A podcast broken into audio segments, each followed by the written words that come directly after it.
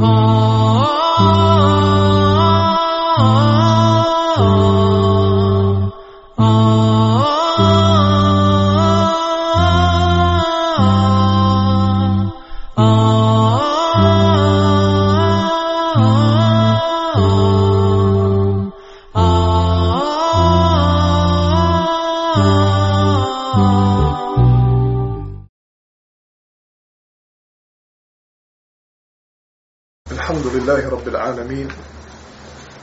الحمد لله الذي بنعمه تتم الصالحات. اللهم لك الحمد في الأولى والآخرة. اللهم لك الحمد إذا رضيت. اللهم صل وسلم وبارك على نبي الرحمة محمد بن عبد الله وعلى آله وصحبه ومن تبعهم بإحسان إلى يوم الدين. اللهم رب اشرح لي صدري ويسر لي أمري واحلل عقدة من لساني يفقه قولي وبعد. Hvala uzvišenom Allahu koji nam je olakšao da nastavimo sa čitanjem i komentarom Mubarek dijela Edebul Mufred od imama Buharije rahimahullahu ta'ala. Imali smo malo duže odsustvo i pauzu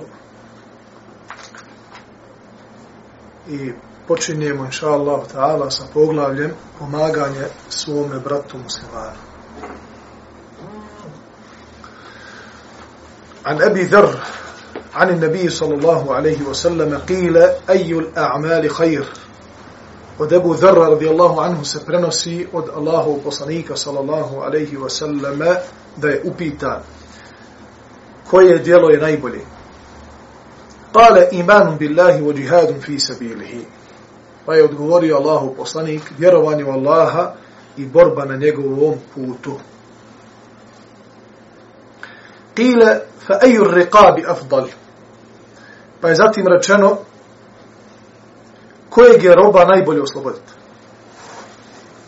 Znajući da je za vrijeme Allahu poslanika, sallallahu alaihi wa sallame, robovlasništvo i robstvo bilo u, u veoma, veoma velikom domenu u tom narodu do te mjere da su možda teško mogli da žive bez toga. Kale aglaha thamanan wa anfusaha inda ahliha.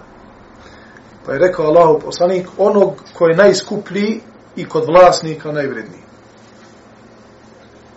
Kale afara'ejta in da'uft au kale afara'ejta in lam astati' ba'da l'amal.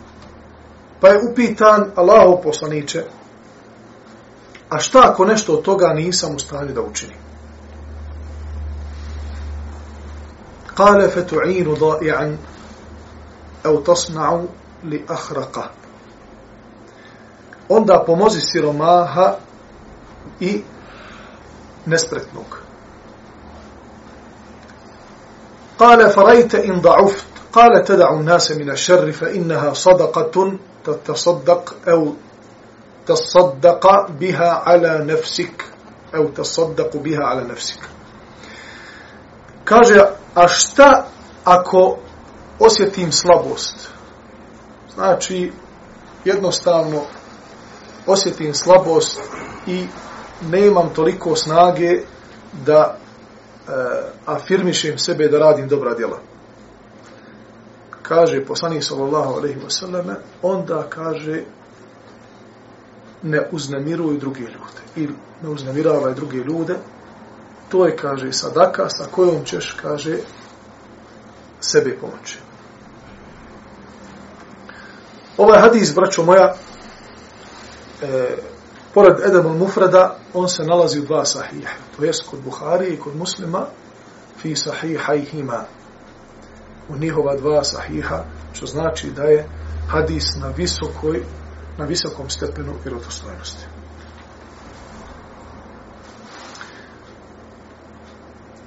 Način na koji su ashabi Allahu poslanika sallallahu alejhi ve sellem pitali ga o nekim stvarima vidjet ćemo da su često upotrebljavali sličan termin ovome ejul a'mali afdal. Allahu poslanice, koja su to najbolja djela? Upravo zbog toga što su znali ridvanullahi alaihim ajma'in da se djela e, na različitim stupnjima cijene. I da kod Allaha subhanahu wa ta'ala sva djela nisu ista. I da Allah za neka djela nagrađuje više za neka manje. Kao što svi grijesi nisu isti. Jer Allah subhanahu wa ta'ala za neke grijehe kažnjava više i žešće a za neke imaju manje kazne, neki više srde gospodara, a neki grijesi manje srde gospodara svjetova.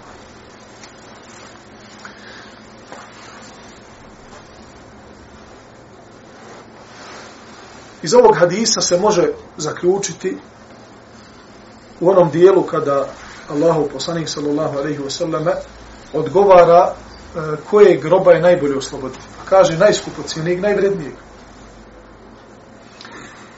da Allah subhanahu wa ta'ala kada prima od ljudi dobra djela također gleda se kvalitet tog djela koju urađa.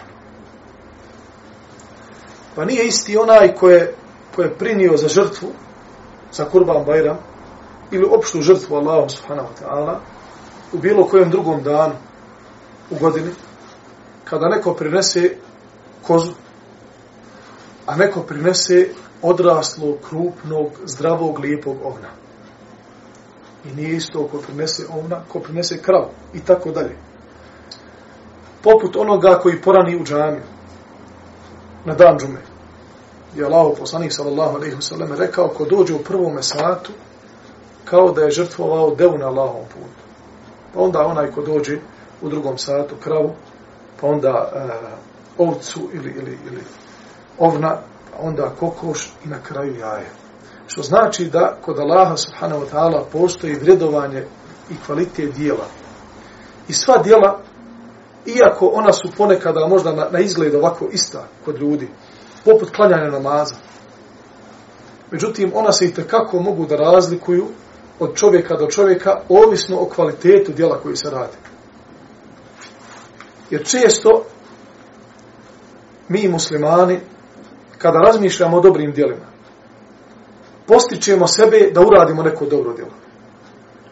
Ali samo onaj ko je fatin, onaj ko je bistar i oštrouman, pored toga što tjera sebe da uradi neko dobro djelo, tjera sebe da uradi kvalitetno to djelo koje se radi. Jer, kaže poslanik sallallahu alaihi wasallam, dva čovjeka će klanjati namaz, u jednom safu, jedan pored drugog, razlika između njihova dva namaza je kao razlika između nebesa i zemlje. Zašto? Pitali su Allahu poslaniče zašto?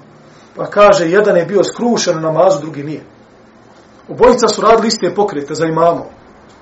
Imam ide na ruku Allahu Ekber, obojica idu na ruku. Međutim, ovaj na ruku slavi Allaha subhanahu wa ta'ala, razmišlja o njemu, o njegove veličini, o njegove veličanstvenosti, drugi to ne radi. Drugi u nekom svom svijetu. Semi Allahu li men hamide. Semi Allahu li men hamide. Allah čuje onoga koga hvali. I kad čovjek iz srca, razumijevajući te riječi, kaže Rabbena wa lekel hamd. Allahu moj, tebi pripada zahvala. meleci u osnovi se natiču za, za te riječi. Ko će ih podići do Allaha subhanahu wa ta'ala, jer dobra djela se dižu Allahu tabaraka wa ta'ala. Ilaihi jasadu l-kelimu tajibu, wal amelu salihu jerfa'u. Njemu idu e, ili podižu se ilaihi jasadu l-kelimu tajib, lijep govor, slava, zikr, učenje Kur'ana, sve ono što navodi na hajr, wal amalu salihu jerfa'uhu i dobra djela vjernika se dižu Allahu tebareke wa ta'ala. Što znači da nije dovoljno samo uraditi dobro djelo. I da čovjek kaže ja sam ja sam s, time, s tim dobrim djelom završio. Nego treba da razmišlja, pored toga što afirmiše sebe, da uradi neko dobro djelo, da razmišlja o njegovom ome, o njegovom kvalitetu. Zatim, Allahu poslanik sallallahu alejhi ve selleme na jedan e, na jedan upit šta ako nisam u stanju da to učinim pita ga za najbolja djela i onda je sigurno ovaj čovjek vidio da možda zbog siromaštva, zbog neki drugi, iz nekih drugih razloga, ne može da uradi sva ona dobra djela koja se traži od njega. Pa kaže, šta ako ne mogu nešto od toga da uradim? Pa kaže, onda pomozi siromaha ili nespretnog. Pomozi siromaha, siromaha, često je siromah zadovoljan sa malim. Jer, e, vi ste vidjeli, kruže ti vide i neka dođu nama u poruke, e, koji su ovako često znaju biti emotivni. E, koliko se obraduje siroma, prosijak, ako mu neko donese, ne znam, picu ili, ili nešto malo novaca, 5-10 dolara, pa mu to dadne, pa on pita začuđeno, je li to za mene, je li sigurno? I onda ono i puste i suzu i zaplaču.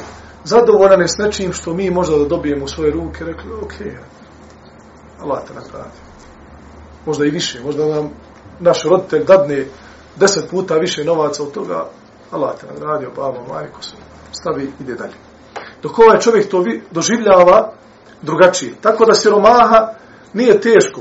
Makar nek ti bude u glavi da mu jedan obrok onaj, pripremiš. Da mu dadneš novaca, da, da može makar jednom, jednom, ili da kažeš sebi, ja odo danas da nahranim jednog siromaha, to jest da mu dadim dovoljno novca da ima cijel dan da ide.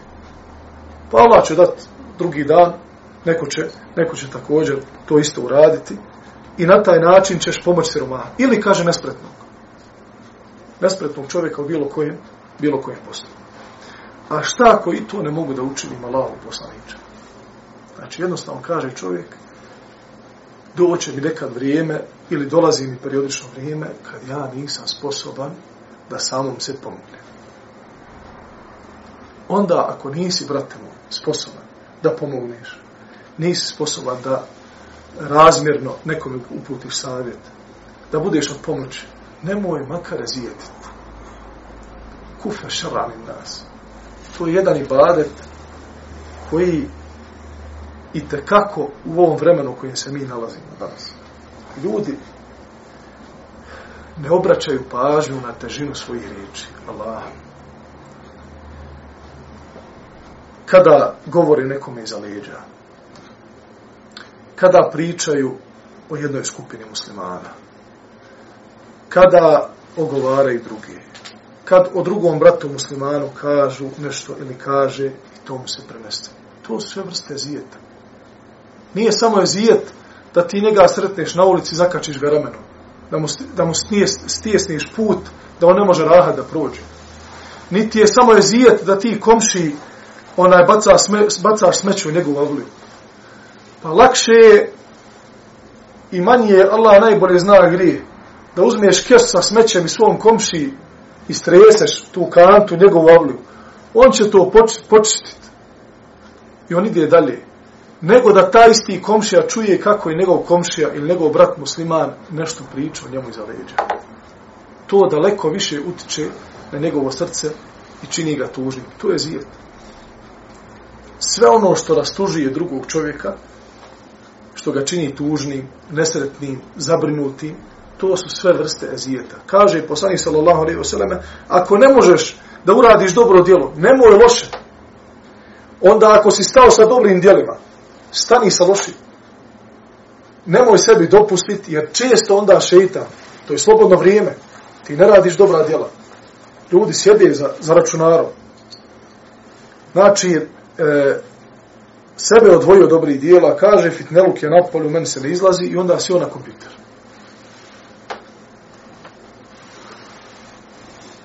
E, da vidimo situaciju.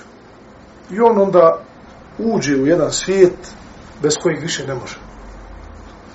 Instalira se njega. I onda počne da proziva, da je zijeti.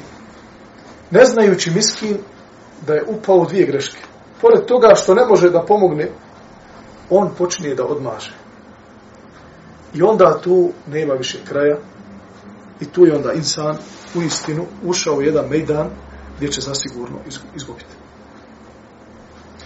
Također od Kubejsa ibn Burmete al-Asadija se prenosi da je rekao kuntu inda nabije sallallahu alaihi wa sallam fa sami'atuhu yaqul bio sam kod Allahov poslanika sallallahu alaihi wa sallame i čuo sam ga kako, kako kaže ovaj hadis bileži također hakim u Mustadraku kaže ehlul ma'rufi fi dunya hum ehlul ma'rufi fi al-akhirah wa ehlul munkar fi dunya hum ehlul munkar fi al-akhirah dobročinitelji na ovome svijetu bit će dobročinitelji i na onome svijetu. A zli na ovome svijetu bit će zli i na onome svijetu. Nas je Allah poslanik alaihi salatu wasalam obavijestio da će na sudnjemu danu da će doći vjernici i da će se brinuti o drugim vjernicima. Kako na sudnjemu danu, tako i u džanetu. Pa na sudnjemu danu bit će velika skupina vjernika koji su bili dobri ljudi, dobročinitelji na ovome svijetu. Brinu se o drugoj braći. Nazove ga, šta ima, brate, treba li ti šta? E, nisam te dugo čuo, hoćemo da se vidimo, vidim te zabrinutog, hajmo, imaš malo vremena, može, mogu ti riješiti problem, kako mogu da ti olakšam.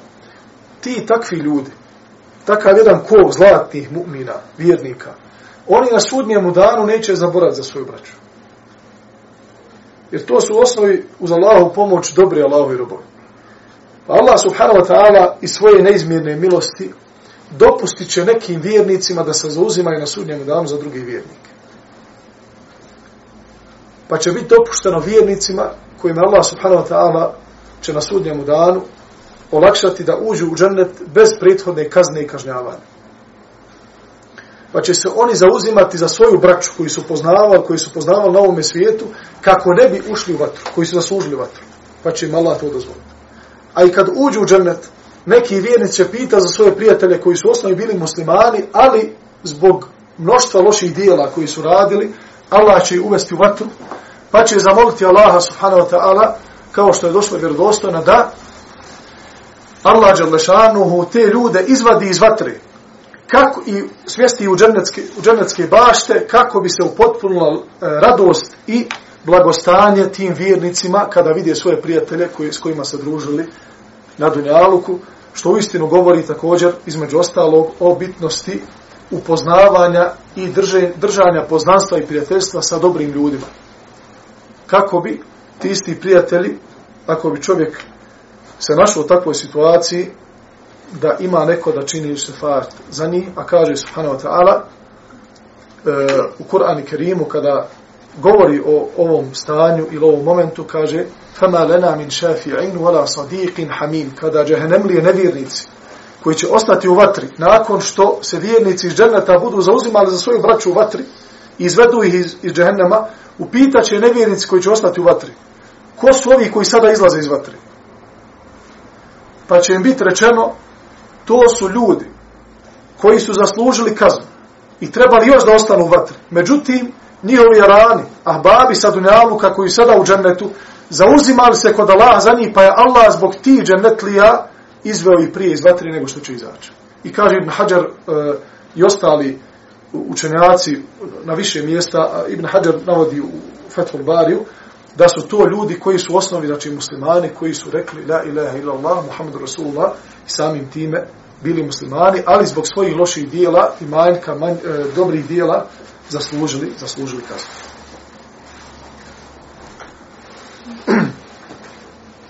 A što se tiče onih, kaže, zli na ovome i zli na onome svijetu, Subhanahu wa ta'ala na više mjesta u Kur'anu e, govori kada nevjernici vide sva dešavanja na sudnjemu danu i vide istinitost ono, onoga o čemu su im govorili poslanici i vjerovjesnici i oni koji su i naslijedili dobro. Onda će reći, uh, da nam je samo jedan dan, da se vratimo, fe na'mel gajra alladhi kunna na'mel, pa da radimo ono što nismo radili, to jest da postanemo vjernici i da radimo dobra djela. Međutim,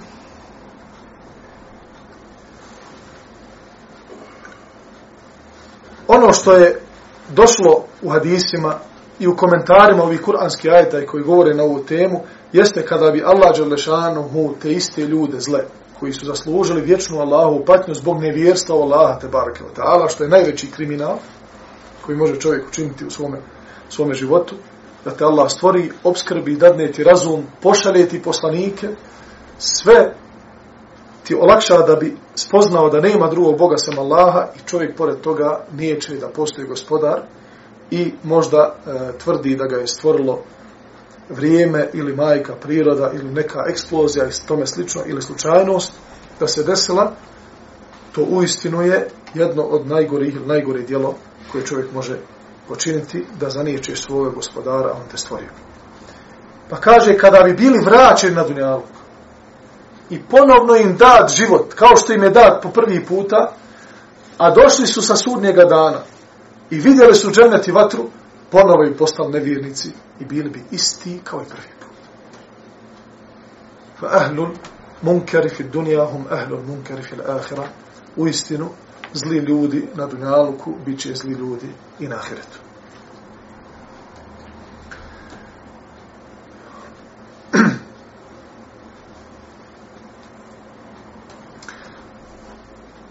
Od Harmele ibn Abdullaha priča, kaže, otišao sam kod vjerovjesnika, alaihi salatu wasalam, da nešto novo nauči.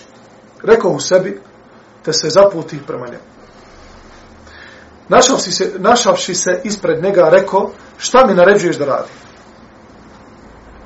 Znači, pita Allahu poslanika, šta mi naređuješ da radi? Kaže, čini dobro i kloni se zla. Čini dobro i kloni se zla. Opća naredba, koliko god možeš, dobra radi ga. وَلَا يُكَلِّفُ اللَّهُ نَفْسًا إِلَّا وُسَعَهَا Što se tiče, braćo moja, dobrih dijela. Pravilo je la yukellifu Allahu nafsan illa wusaha. Allah ne opterećuje čovjek osim ono što može. To je generalno za sva dobra djela. Za sva. Možeš namaz klanjati stojeći kijamu, normalno, zdrav si, prav si. Ne bojiš se, nije te strah, ne samo to znači. Ne tuče. Jer nama je, mi smo generacija koja je osjetila ona i granatu i snajper i mitralje i svašta. Tako da nama ta, te fiske mesele kad prođu kroz glavu, prođe nam i, i mir i rat. Znači, možeš stojeći i klanjat, zdrav si i pored toga siguran si. Jer ako je prozor metar i pol, a ti gotovo dva metra i ti staneš na kijamu, na namazu, a znaš da te može snajper pogoditi, tad ti je dozvoljeno da se liječi klanjaš. Pored toga što si zdrav. Ako si sposoban, la yukellifu Allahu nafsan illa wus'aha, Allah ne opterećuje preko mogućnosti. Normalno klanjaš. Ne možeš. Bole te koljena. Razbio si koljeno. Operisao si. Iz nekih drugih razloga, zdravstveni, ne možeš. Sjedeći, la yukellifu Allahu nafsan illa wus'aha. Ležeći, ležeći. Kaže, ne mogu ništa da pomjerimo tijela, samo kaže, mogu da mrdam očima. I da jezikom klanja. Sve dok imaš zdravu pamet i prisvijesti si, obavezati, obavezati da klanjaš namaz, pa makar u mislima. Laju kelifu Allahu nefse Allahu sahat. To je tvoja mogućnost, misli, misli. I ti zamišljaš kako činiš ruku, kako izgovaraš, to jest izgovaraš ti sami Allahu li men hamida ako su mogućnosti. Međutim, zamišljaš kako se dižeš sa ruku i tako klanjaš. Hadž ima svoje šartove. Ako nemaš mogućnosti, Allah te otrećuje. Zekijat. Zekijat je stroga obaveza. Jedan od pet islamskih šartova. Međutim, la yukellifu Allahu nefsa illa usaha. Ne možeš zadneš, nemaš dovoljno imetka. Ili imaš dovoljno imetka, ali tvoj imetak nije stojao godinu dana preko nisaba. Nećeš da. La yukellifu Allahu nefsa illa usaha. Što se tiče loših dijela, la yukellifu Allahu nefsa illa usaha, jel, isto. Ne Nema tu la yukellifu Allahu nefsa illa usaha. Ostaviš loše dijelo u potpunosti. Jer za loše dijelo ne treba ni snaga, ne treba ni zdravlje, ne treba ni i metak, ništa ne treba. Treba da ostaviš. Da ne radiš. Kaže poslanik sallallahu alejhi ve sellem, čini dobro, nije mu rekao moraš svo dobro da činiš. Sva dobra djela. Ne, čini dobro, a kloni se zla. I ovaj čovjek Harmela, tako se zvao, kaže, otišao do svoje deve. I onda razmislio. I kao da mu nije bilo dovoljno. Pa se kaže, ponovo vrati, stado na isto mjesto, na domak, alaihi, alaihi salam. Allaho poslaniče, šta mi naređuješ da uradi? Ponovo da mu malo, onaj, da mu napravi jedan špic, da mu olakša još, to jest, da mu još više uh, utanači šta treba da radi. Mu kaže Allaho poslanik sallallahu alaihi sallam, ja harmele, o harmela, čini dobro, klon se zla. Kaže, gledaj šta bi ljudi, šta bi volio da ljudi pričaju o tebi, kad si tu, pa to čini. I šta ne bi volio da o tebi pričaju, pa se toga kloni. Znači, hoćeš da šta bi volio da, eto, šta god bi volio da ljudi o tebi pričaju, tu zapne.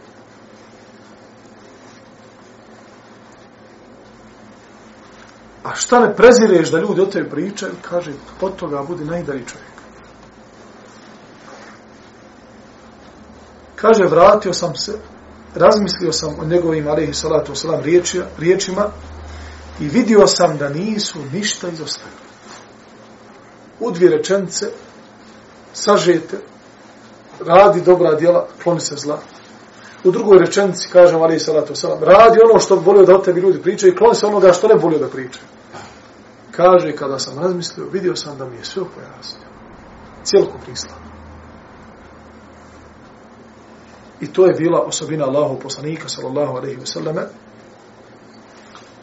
da je sa malo riječi mogao mnogo da kaže ili utje džavami al kelim. Ovo predaje također, pored mama Buharije u Mubarek dijelu, prenosi Ebu Nuaym u Hiljetul Eulija.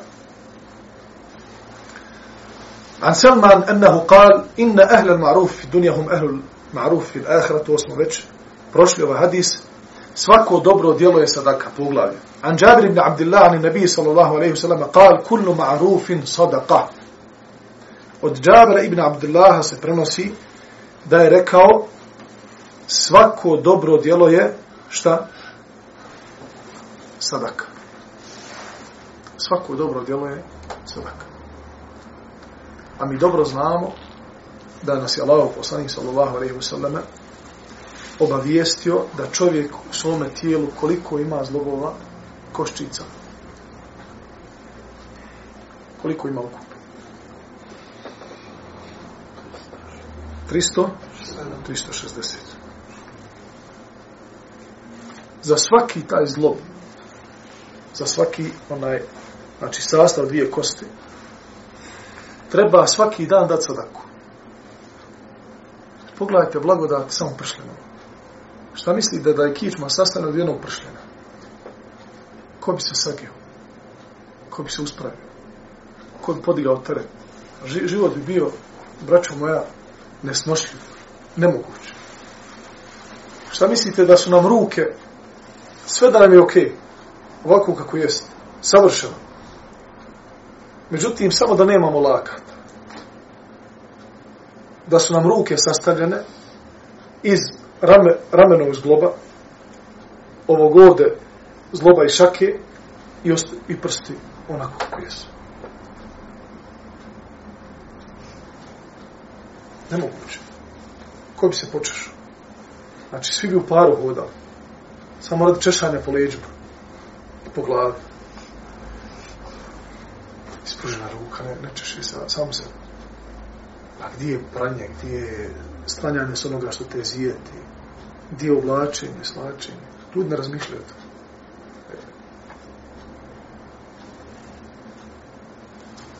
za svaki taj zlob, za svaki zlob. Znači, 360 sadaka, braćo moja, svaki dan. Od Ebu Zerra, radi Allahu anu, se prenosi, hadise kod Buharije, sahihu, kaže poslanik sallallahu alaihi wasallam svaki selam vaš, kad kažete bratu muslimanu, selamu alaikum i sadaka. Svaka zahvala, kažeš nakon namaza, alhamdulillah, alhamdulillah, alhamdulillah, tri sadake. Amr bil ma'ruf, sadaka. Nehi alil munker, sadaka. Naređivanje dobra, nekome nešto narediš od dobra, savjetuješ ga, sadaka. Nešto mu kažeš da, da se kloni nečega, sadaka. I tako, uglavnom dobra djela, sve to, braćo moja, mijenja dva rekiata duha namaza. Od posle izlaza sunca, da odskoči malo sunce, sve do pred samu podu namaza.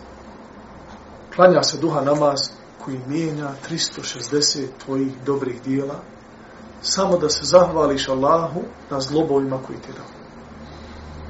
I samo im sad, sadako na tvoje zlobove, uz Allahu pomoć u tom danu si zaštitio svoje tijelo od eventualnih povreda ili onoga što može gore biti od toga. Jer ima rivaj gdje kaže poslanik sallallahu alaihi wa sallam da lovu mardakum bi sadaka liječite svoje bolesnike sa sadakom. I poznato je kod našeg naroda bilo, a i prije kod muslimana, da kada bi se neko razbolio, da bi se davala sadaka sa nijetom ozdravljenja. I često kada nazovu ljudi, pogotovo sada što se proširila ova, ova bolest e, karcinoma i raka i tako, buhvatila je cijelo čovečanstvo. Tako i muslimane. Pa često kada učene ljude pitaju šta da radim ili ustanovili su treći, četvrti stepen, to je već pozamašni period, kaže, ako ti Allah dao mogućnosti, što više daj sadaka, sadake, sa nijetom da te Allah subhanahu wa ta'ala izliječi, čini dobra djela, otiđi u harem, pokušaj da obaviš umru, hađ, pi što više zemzem vodi, dovi Allah subhanahu wa ta'ala i bez imalo sumlje, bez imalo sumlje, više, više slučajeva koji su zabilježeni i zabilježeni su i kamerom, znači ljudi koji su, koji su lično onaj to doživjeli, poznati su i, i likom, i imenom, i prezmenom, Allah subhanahu wa ta'ala je zbog tih nekih dijela koji su Allah najbolje zna iskreno učinili u ime Allah subhanahu wa ta'ala izliječio te opake, opake bolesti.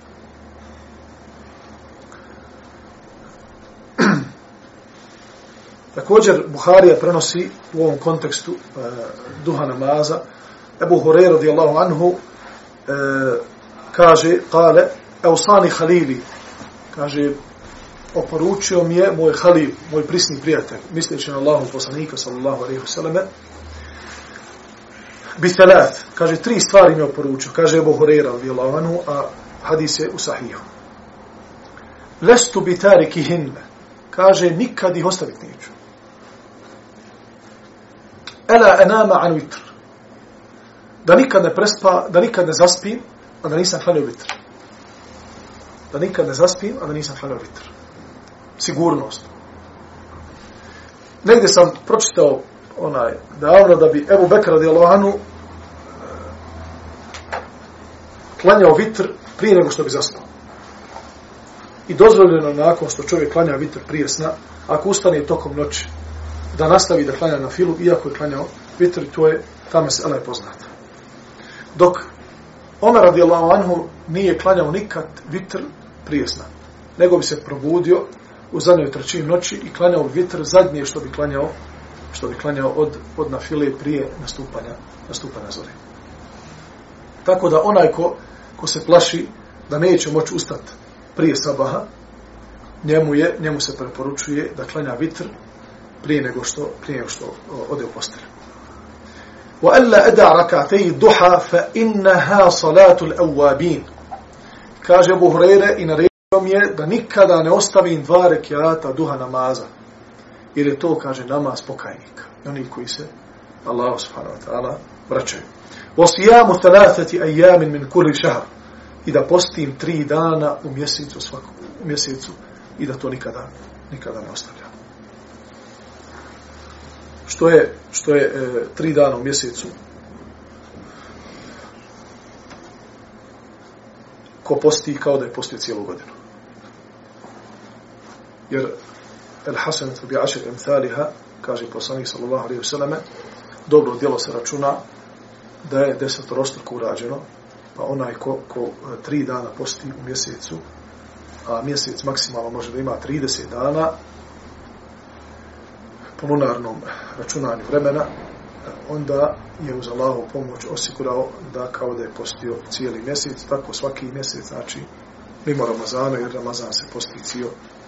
A još onda Allah subhanahu wa ta'ala je umetu Muhammed alaihi salatu wasalam dao dodatno jedan mjesec u kome će postiti cijeli mjesec, što će osigurati kao da su postali deset mjeseci i onda imamo šest dana ševala, još dodatna dva mjeseca, šest puta deset, šestdeset dva mjeseca, ke enna usame ed dehra, kao što je došlo u jednom od rivajeta, kao da je, kaže, postio, postio cijelu, cijelu godinu. Da se vratimo na Edebom Mufrada.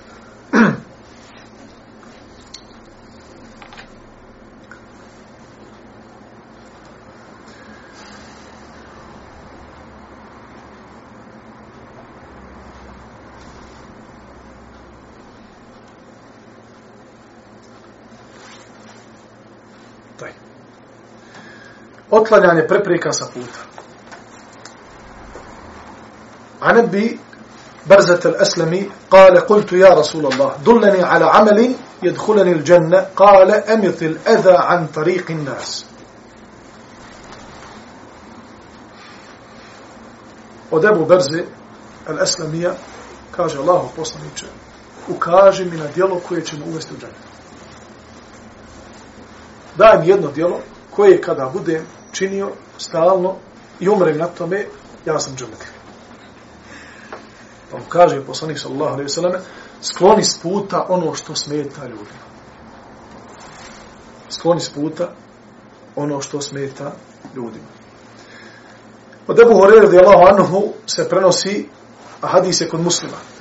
قال قال رسول الله صلى الله عليه وسلم الإيمان بضع وسبعون شعبة إيمان se sastoji od 70 i nekoliko dijelova. Afdaluha qavlu la ilaha ila Allah wa adnaha imatatu al-adha 'an at-tariq. Najveći stupan imana je la ilaha ila Allah. A najniži dio imana je imatatu al-adha 'an at-tariq, sklanjanje onoga što smeta ljudima sa puta. Wal haja'u shu'batun min min al-iman. A u istinu je stid dio dio imana. Jedne prilike uh, to je se desilo u arapskom svijetu. Pošto tamo ljudi koji čiste ulice i one kontejnere ne želim upravo da im dadnemo onaj naziv zato što, što ova priča sama nosi sa sobom jednu, jednu zanimljivu onaj da kažem i savjetodavnu neku uh, inekciju za, za djecu, za omladinu i E, deblije priča, dobro, kratka je. Da je e, sin utrčao kod babe u kuću i kaže, babo, babo, evo došli smećari. Jer bi oni na kraju mjeseca dolazili, pored toga što istresu kontejnere, da naplate svoj trud. Jer tamo to većinom ide privatno, iako je ako je na, na državnim jaslama plate su minimalne, nema, ne može on, ne može on 7 dana da, da, da ishrani svoju porodcu. Pa onda ljudi, ljudi, e, svaka kuća dadne nešto od sebe, neki mali iznos i to se sabere, on to podijeli između, i to je već uhodan sistem. I ulazi malac i kaže, babo, babo, evo, došli smećare. Zove ga da pripremim par. Kaže njemu otac, sine, mi smo smećare Nisu oni. Jer mi, kaže, iznosimo smeće. Mi prljamo ovce. A oni, kaže, čiste ovce. Oni su čistači. A mali je, i onda se mali zatekao se u tom.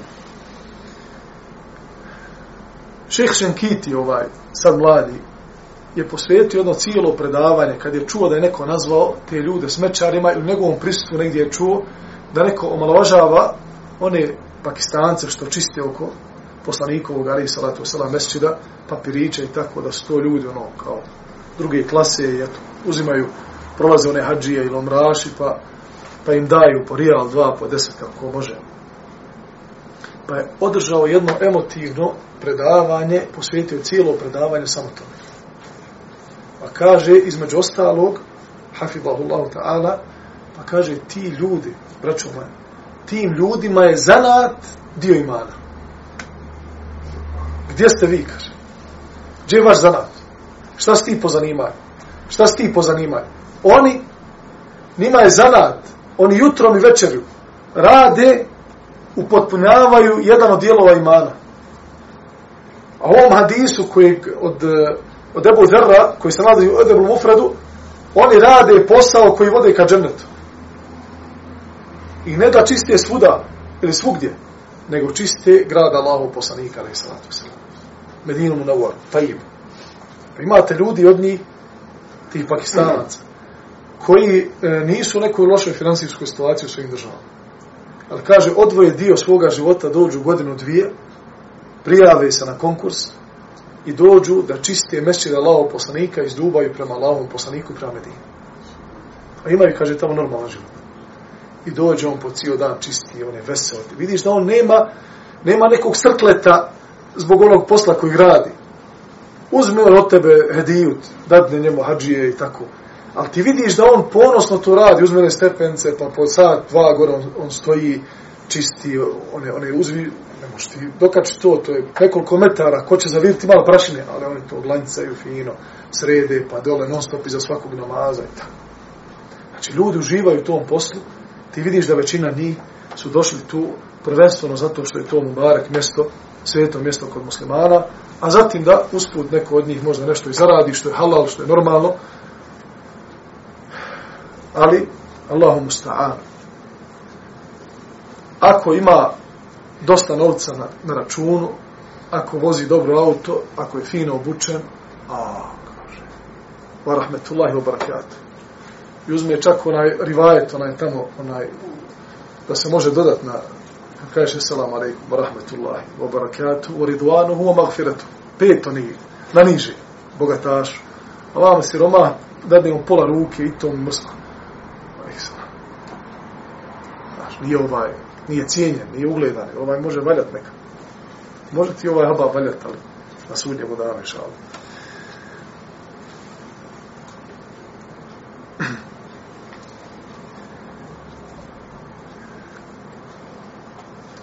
Od Ebu Horeira radijallahu anhu se prenosi, a ovaj hadis je braćo moja kod Buharije, kod muslima u sahihima i kod imama Ahmeda u musnadu. Prelijep jedan hadis koji u istinu e, daje čovjeku motiva da radite neke stvari koje su na očigled možda male, ali pogledajte, kaže poslanik sallallahu alejhi ve selleme, marra rajulun بشوك في الطريق فقال لأن يطن هذا الشوك لا يضر رجلا مسلما فغفر له kaže alihi salatu wasalam prošao je čovjek putem i vidio poveći trn znači danas vidio ekster vidio dasku ekster viri iz nje bilo što na što bi musliman mogao da nabode nogu bilo što. Ili da se ozlijedi. Ili, ne znam, nija od štok od vrata i tamo viri neko, neko železo ili nešto, mogao musliman da prođe pa da se ozlijedi u, u ruci, u ramenu.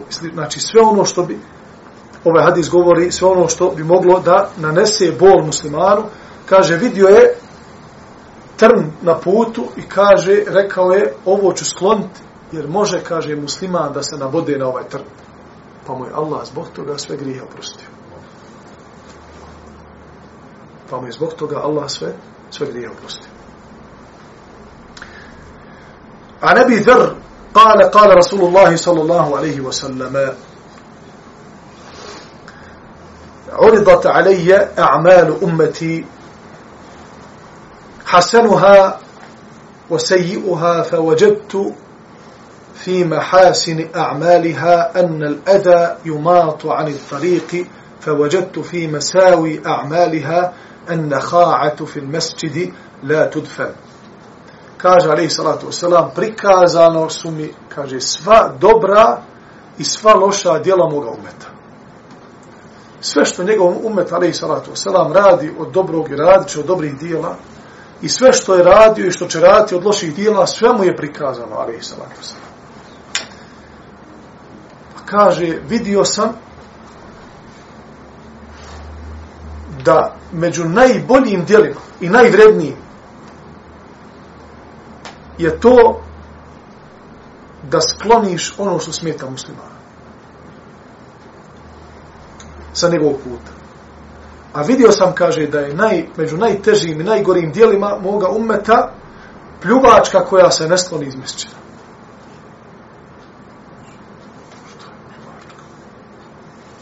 Jer prije nije bilo, nije bilo ploče, nije bilo tepija. U doba Allahov poslanika, sallam, kaže, en, en, en fil mesjid la tudfen. Oni bi, kad bi vidjeli da je neko, e, da ima pljuvačka, da je neko plju, pljunuo, zatrpali bi to pjeskom. I to bi se osušlo, isparilo i halas. U osnovi pljuvačka nije, nije nečista, nekulturna. Ako bi neko od beduina došao, od ljudi koji nisu se podučili ahlaku, edebu, moralu Allahu poslanika, nego dođu iz pustinje, primili islam i onda ljudi nisu, znači, možda u svojim kućama pljuju. To doba. Jer, pazite, dolazi beduin, onaj, stisnulo ga, okrenuo se samo. Samo da ga ljudi ne vide. Ne vide. I u meseci da uzazi. Znači, ashabi Medinelije, kad su to vidjeli, a tijeli ga na katapult da stavio. Frknuli da ga nema više nikad. Zašto? Zato što su e, imali, znači, jaku tu kulturu koju islam, znači, gaji. Mi vidimo da, hvala Allahu, što se tiče tog, te strane, kulturološke, društvene, kod našeg naroda, da je to na maksimalnom nivou. Odakle je to? Nego islama. Čistoća, bjelina, e, prostranost kuće, E, čistoća odjeće, stora, ma sve se pazi. Znači da se ne hoda, da se ne hoda u običi tako da. To je sve od znači od tih moralnih e, moralnih znači e, principa islama, međutim dođe čovjek beduin, ne znam isto što iz nekih drugih kultura, drugih naroda, doći ti neko u Bosnu uzijarat i krenut će u dnevni boravak obući. Šta će ti da uradiš? Ko sad se naježi? Če ćeš dnevni boravak? On ne zna. Jer on ide s obućom do, do spavaće sobe. I tek onda, kad hoće se baci u krevet, znači on ne zna li da treba opuhat jorgan, da treba onaj, E, da tri puta udari po, po svom na mjestu gdje će, gdje će spavati iz više razloga. I dokazano je sada čak i naukom zbog čega se udara. Ali eto, znači nama je poslanik Ali Salatu Selam rekao prije više od 1400 godina prije nego što legnete na jedno mjesto opušte ga tri puta. Bilo kojim primjerom. Da li svojom e, jaknom ili organom koji, onaj, kojim će spavati ili jastukom ili rukom da se tri puta to mjesto opuše i da se tek onda na njega legne. On ne znao se paci odmah na, na ovaj organ. Dobro. I tek tada izuma obuću. I cijelu noć do, do ujutra dok ne ustane, one cipele što je cijel dan nosao, budu tu ispod njegovog nosa. Takva kultura. Kod se je to daleko. Znači, tako i ovde, što se tiče, e, kaže poslanik, ali salatu selam, znači, ta nekultura, taj odraz nepoštivanja Allahove kuće, kaže, vidio sam da je to jedno od najružnijih dijela koja se mogu. Jer to, šta radi to? To skrnavi, skrnavi onu ljepotu, ruhanijet i duhovnost džamije. Zbog čega su ljudi tu došli? Došli su prvenstveno da obave namaz, došli su da obožavaju Allaha Đelešanuhu, da ga spominju, i kaže subhanahu wa ta'ala i Allahove kućeve koje kaže eleti yuzkaru fiha ismu Allahi kathira u kojima se Allahovo ime mnogo spominje znači osnova je mesčida da se tu Allah spominje da se uči Kur'an da se u vremenu kada ljudi ne ibadete kada nema znači obaveza vjerski mimo znači namaza i mimo drugih obaveza mesčida da se mogu i halke Kur'ana halke iluma da prave u mesčidu i to je pohvalno Jer Allah poslanik sallallahu alejhi ve sellem postiče i pohvaljuje halke unutar mesdžida i unutar džamija.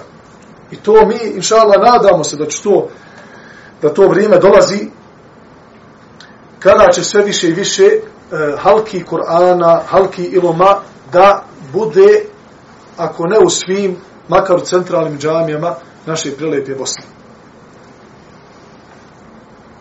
Dobro sada. Šta znači onda sva dijela koja kvare kvare tu kakvoću i tu ljepotu mešćina.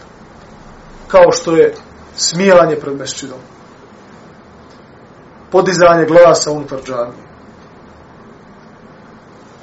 Razvijanje nekih ovodinaličkih tema unutar džamije prije namaza ili posle. Može li to da spadne u nepoštivanje? Ako će to ezijati druge vjernike i ako će to e, da kažem, donekle srušiti njihovu, njihov, znači, taj ambijent, sto postoje tako. I to je apel da se, znači, poštuje, da se, da, da džamija ima posebno mjesto u našim. Neko će reći, pa dobro, u doba Allahu poslanika, sallallahu alaihi wa dolazile su iz, iz Habeša o, oni momci, sportisti, oni sa kopljima i pa se kaže usred mešći da onaj igrali i ne znam, e, e, bila jedna vrsta demonstracije njihovih vještina sa kopljem i sa, i sa, i sa štitom. Dobro, Allaho poslanik im dozvolio. Allaho poslanik u tom vremenu, kada nije bilo nikakve druge aktivnosti, a džamija ili mesčid Allahov poslanika, sallallahu alaihi ve selleme e, u doba njegova, alaihi salatu selam nije samo bio mesčid. Bio je, bio je i, i mjesto gdje se primaju delegacije koji su primali islam bilo je mjesto gdje se Sergije sakupljaju za, za siromašne muslimane. Bio je tad čak i mebit. Znači, bio je čak i motel. Besplatni. Vakuf. Zadnji dio mešćida za ehlo sufe. Muslimane koji nisu imali svoje kuće. Znači, spavali tu. Međutim, e, osnova mescida, institucije džanije, jeste spominjanje Allaha, obožavanje Allaha, uspostavljanje pet vakata namaza, uspostavljanje džume, ako je taj, ta džamija za džumu.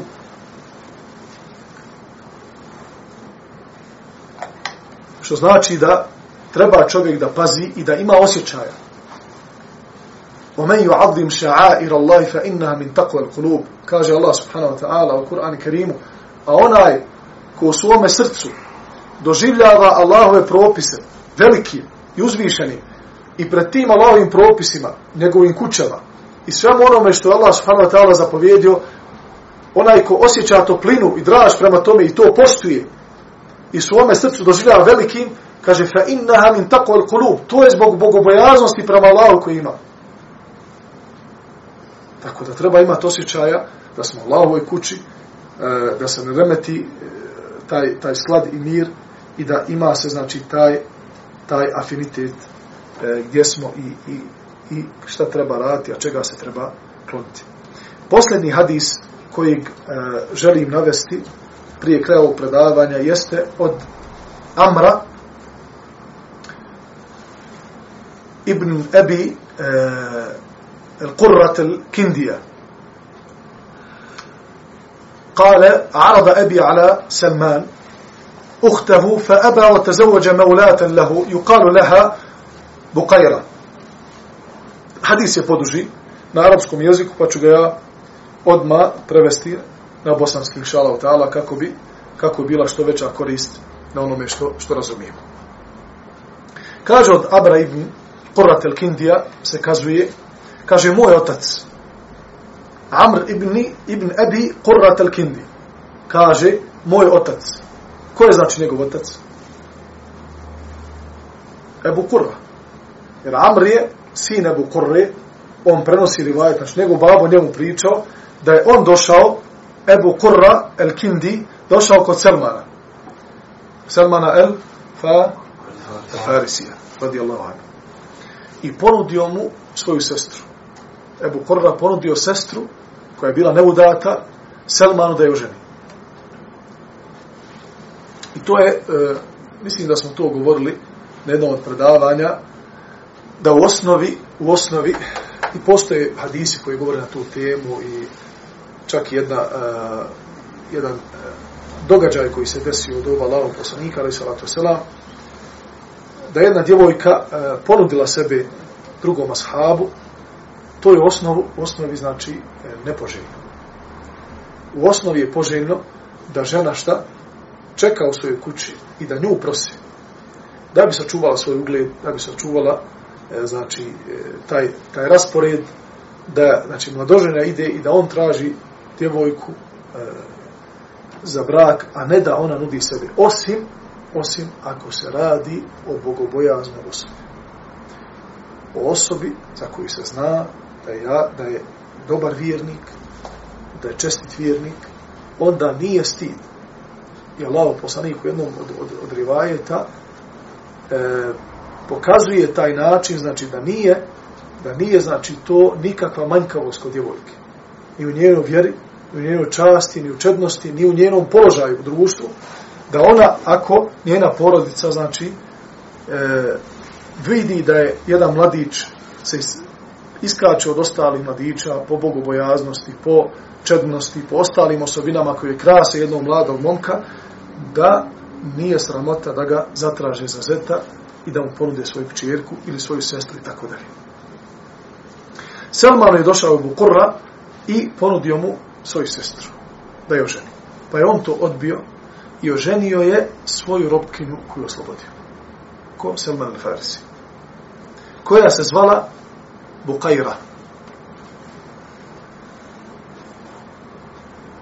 Pa je onda Amrov babo, Ebu Korra, koji je ponudio Selmanu, prošlo je to, znači ponudio ovaj odbio, oženio se Selman i onda je isti taj Ebu Korra, pošto je znači, držao do Selmana, čemu je ponudio svoju sestru, znači Selman je njegovim očima bio velika osoba, što i jest radi Allahu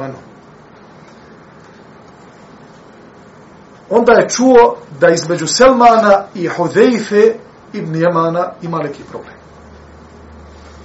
Pa je otišao kod njega. I našao je Selmana u bašti, u bašči, kako provukavši svoj štab kroz vezice, na ramenu nosi zembilj s povrća. Znači, tu su dva, dvije korpe i one sa zavezcima onaj, na krajeve štapova i onda štap taj stavio preko i pošao, pošao kući.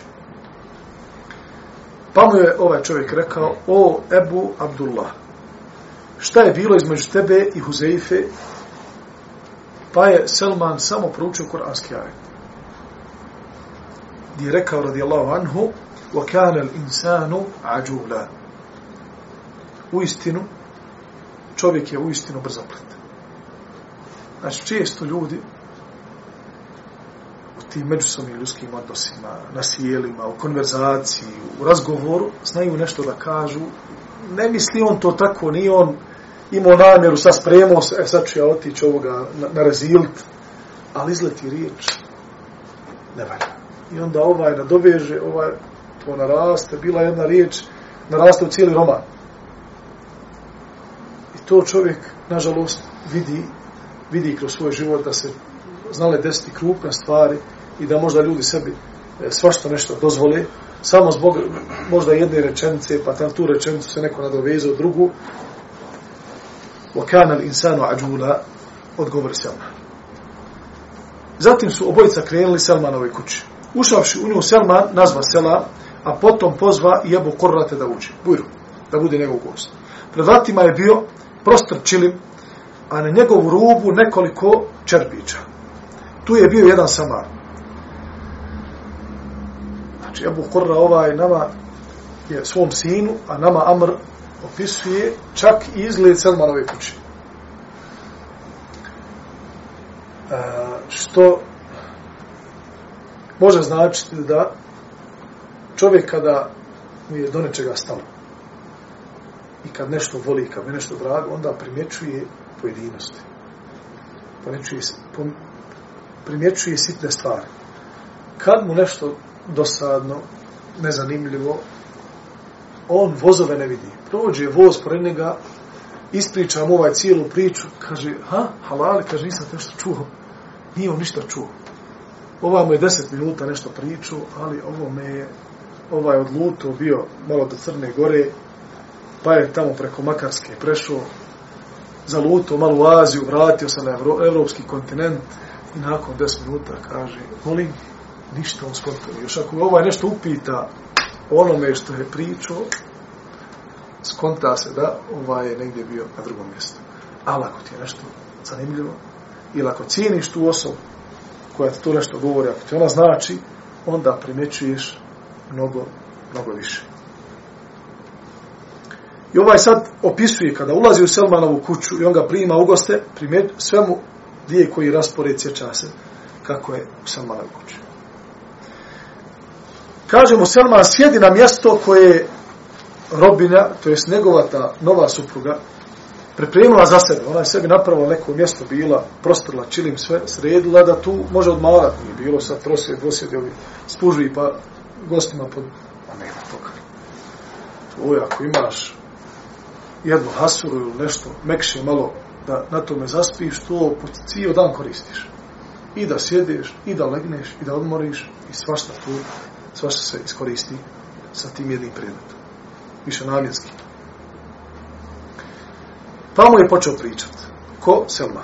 Kaže, Huzeife prenosio neke riječi koje Allah poslanik, ali salatu selam, u ljutni govori određenim ljudima. Neki su me pitali o takvim izrekama, pa sam im rekao da Huzeife najbolje zna šta govori. Ali ne bi volio da se među ljudima javi mržnja. Huzeife radijallahu anhu, kao prenosilac hadisa Allahov poslanika, ali salatu wasalam, šta god je čuo da Allahov poslanika, prenosi. Allahov poslanik u srđbi, u raspoloženju, u ovom stanju, u onom stanju, kako god stanju bio, nešto izrekao, Uzeife čuo od njega, prenosi dalje ljudima kao rivajet da to prenosi. Uzeife nakon smrti Allahov poslanika, ali salatu wasalam, nastavlja da prenosi te neke hadise koje Allahu poslanik u datom momentu je izgovorio o nekom plemenu, o jednom čovjeku iz nekog plemena, o nekoj delegaciji, o nekome, što e, nije aludiralo dobro. Pa Huzeife, prenoseći te riječi, došlo je do ušiju ti ljudi čiji su možda, znači to pleme, Allah poslanik spomenuo po zlu, tada, možda nisu bili primili islam, u datom momentu nešto se desilo i tako dalje, pa su došli neki ljudi da se e, žale Selmanu, znajući da je on na velikom stepenu kod, kod ashaba, ovo se desilo u doba halife koga Omer radi Allahan. Znači, nakon smrti čak je Bubekr. Požali se Selmanu, kaže Selman, onako kako brat, kada dođe neko da ti se žali na drugog brata muslimana, onako kako bi trebao brat da odgovori. Kaže, kaže, Huzeife najbolje zna šta govori. Nemam ja ništa s time.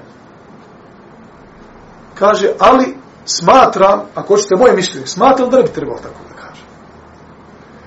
Huzeife ovdje šta radi? Prenosi. Kaže, ja prenosim. A Selman razmišlja. Huzeife prenosi. Je li to rekao Allah poslanik jest? Je li može iko reći da nije Allah poslanik rekao? Ako nekoga shaba kaže, čuo sam Allah poslanika sallallahu alaihi sallam, da rekao to i to. Može li neko doći i reći, nije to rekao. Nego hoće, na primjer, Huzeif ili neki drugi ashab da potpali vatru. Je li dozvoljeno to reći? Pitam vas ja. Nije. Zašto? Ko je rekao nije? Zašto nije? Ima razlog. Ma razlog zašto nije dozvoljeno reći za nekog od ashaba da je, kaže, čuo sam Allahov poslanika ili od Allahov poslanika da je rekao to i to. Čak ne mora ni da čuje on lično, nego čuo drugog ashaba. Hadis. I to se često nalazi u hadisima kada kaže prije od Ebu Hurede radijallahu anhu ani nebi sallallahu alaihi sallam od Allahov poslanika. Kale, rekao je svi su ashabi pravedni. Kullu as-sahabe udul. Svi su ashabi pravedni. I niko od ashaba, i to je vjerovanje ehli sunnete od džamata, ne laže, ne laže uopćeno, a pogotovo da slaže na Allahom poslanika, sallahu alaihi sallam, haša li Allah, azze ođer. Što znači da, ako se vjerodostojno prenese sa ispravnim lancem, I taj metn, taj metn hadisa, znači e, govor u hadisu, ne kosi se sa osnovnim hadisima poznatim, vjerodostojnim, Znači, nije u suprotnosti sa njima. Ne suprostavlja im se vidno. I islamski učenjaci ne mogu da nađu izlaz zbog vidnog suprostavljanja ta, ta, ta dva rivajeta, ovi su jači i osnovi, a ovaj jedan, jedan došao od jednog ashaba, i ako je, do, ako je vas prenoslavaca vjerodostojan, znači tada smo ubijeđeni da je Allah poslanik to rekao. I ne može čovjek da kaže, znači Huzeife, kaže Salman, Huzeife najbolji zna šta govori. Ja ne mogu reći da je laž rekao, jer je Huzeife od ashaba, ali kaže smatra, zbog mudrosti, zbog međusobnih ljudskih odnosa, da je bolje da prešuti. Jer, braćo moja, kaže, bitno mi reći istinu. Ja ću reći istinu, pa šta bude? Nije istina. To nije nas, Allah, poslanih drugačije su ozuči. Moraš da gledaš kome govoriš, moraš da gledaš. Ne može se svakom isto obratiti. I nije pametno i nije logično da se svakom isto obraćaš. Ne mogu se ja obratiti čovjeku starijim od mene, kome možda nešto naučio u životu. Znači bio mi učitelj i nekom mladiću koji ga podučava, kome sam ja učitelj. Kako će moja retorika biti prema prvom i prema drugom ista? Navodim vam normalan jedan primjer. Ali kaže, smatram da, i onda je to prenešeno u Zeif.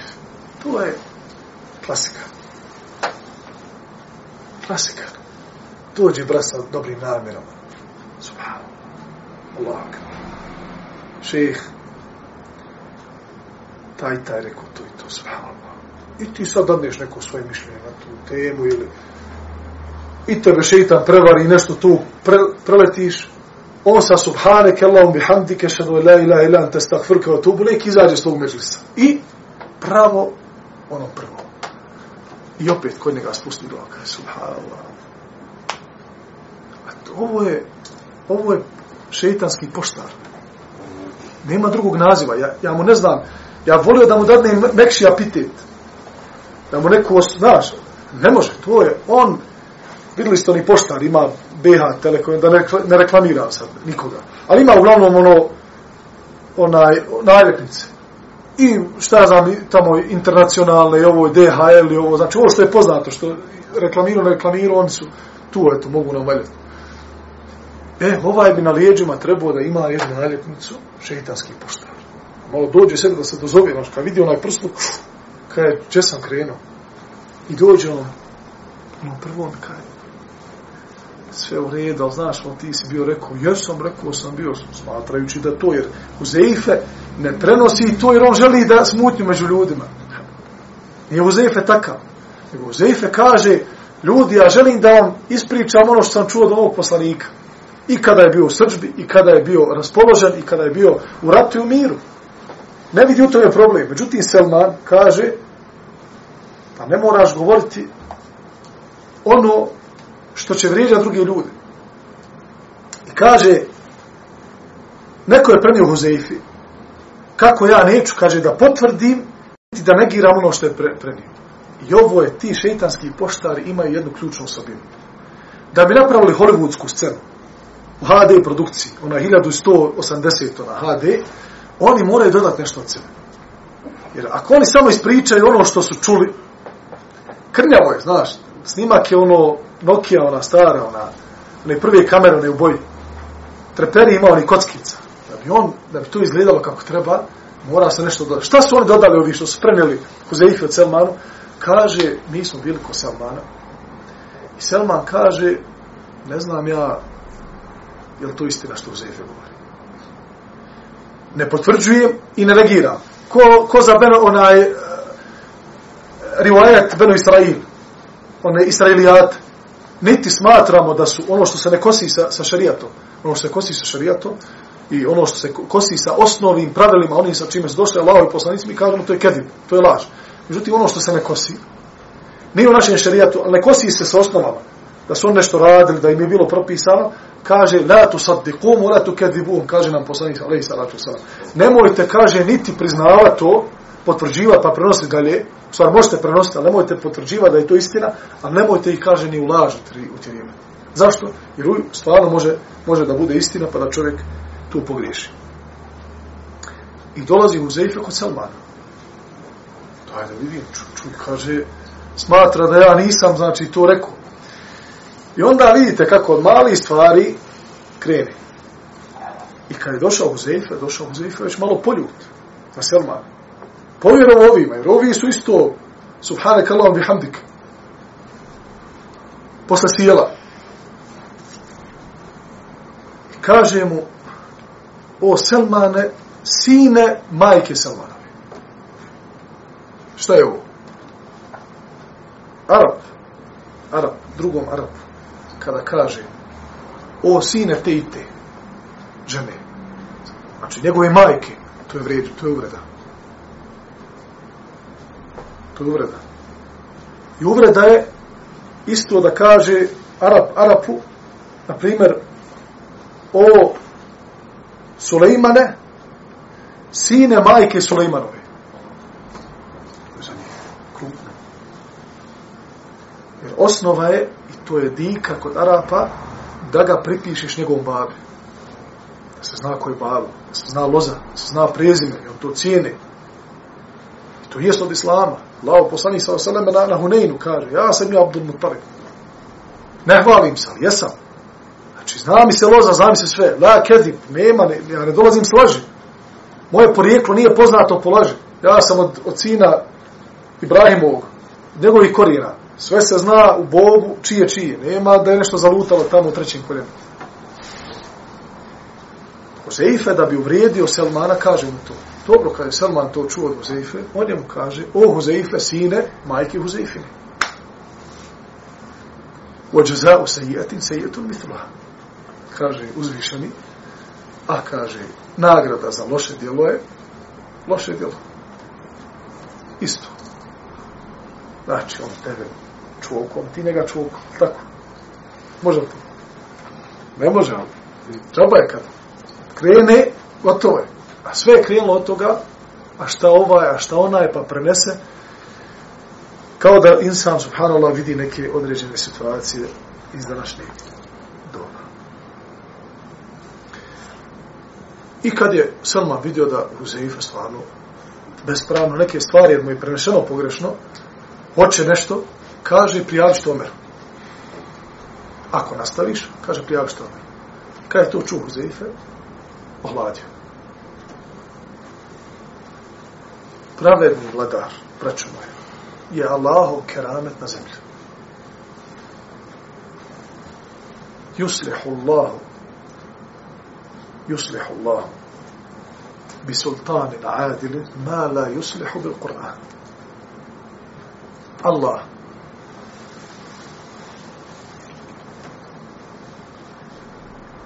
subhanahu wa ta'ala sa pravednim vladarom ispravlja neke krive stvari koje se ne mogu ispraviti sa Kur'anom. Jer ima ljudi, ti njemu kažeš jedan kuranski ajet, kaže, hlas, to je to. Tubtu ila Allah, pokajao sam se, neću više. Wala afina nas, oni koji prašte ljudima, kaže, jest. Šta god da bi učinio, jel Allah voli oni koji praštaju, ja praštam. Ima ljudi, ne. Wala afina nas, kaže, to ti nekom drugom kaže ja sam zanijetio ovako. Dobro, Habibi, ti zanijetio tako. Ali u ovoj državi ima pravedni vladar. Ako nekome nepravdu učiniš, bit će ti nepravda vraćana. Vratit će te. Sve što ti učiniš, sve će ti biti vraćano. Ehle, on sam me bojno mu radi nepravdu. O. Kaže, priča. Pričaj, kaže, što hoćeš. Ali ako potvoriš muslimana, zvaće te pravedni vladar da te čuje. Ma kadiluk, ma sudstvo jako. Pred sudio, brate moj, i bivaš pitan za laži. Čak i za istinu za koju nema svjedoka. Kaže, čuli smo, imamo dva svjedoka da si ti na silu pričao o tom i tom, to i to. Je to istina? Pa ne znam, ja nisam tako dođu dva pravedna svjedoka muslimana, klanio pet vakat namaza, ljudi nisu poznati po laži, nisu nikoga do sada zafrkali. Kaže, Boga, mi smo bili na silu, rekao. Sudija tamo piše, rekao je, automatski, u pravednoj državi. O, Jel rekao? Jes, kaže. Vadi se abav. Šta? Kaže, moraš donijeti dva svjedoka da nisi rekao. Traži on, zove, veze, ovo, ono, pravedna država, nema cile mile, nema štela, nema, ja ću petobanku baciti. Zaporavi, ja. Kaže, sljedeće zasjedanje u sudu, sudija šta je, poštovani sude, kaže, nisam našao svjedoka. A nisi našao svjedoka.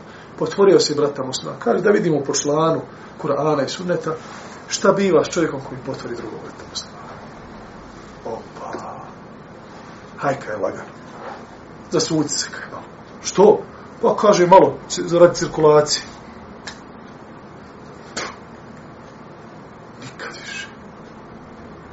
kaj je čuo ona ptica, kaj kakva ptica, ne pričaj o pticama. Što? Znači, dobio si jednom jer si potvorio, nikad se više nećeš sud da potvoriš. Preventiva do kraja života. Uvijek se sjetiš kako te svrnilo po leđu. Nakon 20 dana kad počne da da prolazi. Kaže, prijavit ćete Omeru i on je, kaže, iz straha od Omera ostavio me.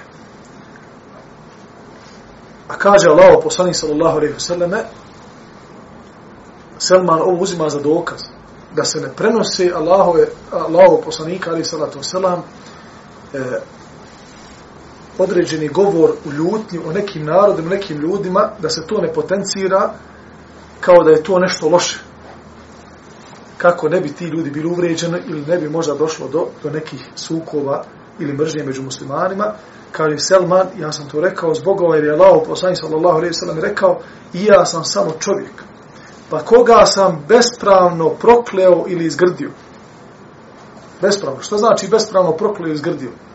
Dođe drugi čovjek, jači u dokazu pred Allahom poslaniku od ovoga, a kod ovoga pravda. Allahov poslanik ali salatu sa nije imao dovoljno dokaza da presudi nevinom čovjeku. Znači, ova je lagao, nije se bojao Allaha, donio neke lažne svedoke, uradio šta je vamo tamo. Allahov poslanik kaže, ako sam to uradio, učini mu to moje prokljestvo ili grdni blagoslov. I osnova je, braćo moja, da Allah poslanik, ali sa sam onim hadisima, kada govori fekiletke umuke ja muad, majka te nemala o muaze, i ostale riječi koje se koristio Allah poslanik onda kada sahabi nešto nisu znali da, da odgovore što je bilo od osnova, što je bilo krupno ili se nešto desilo, to je bio dova za njih, a ne protiv njih. Oma arsalnake illa rahmeta lil alami, nikada Allah poslanik nije proklinao svoja sahabe. Niti ikada onima loše pričao, Allah subhanahu wa ta'ala kaže, mi smo te, o Muhammede, poslali kao milost svjetovima. Nastavak, inša Allah, sljedećem u sljedećem uh, predavanju. سبحانك اللهم وبحمدك اشهد ان لا اله الا انت استغفرك واتوب اليك وجزاكم الله خيرا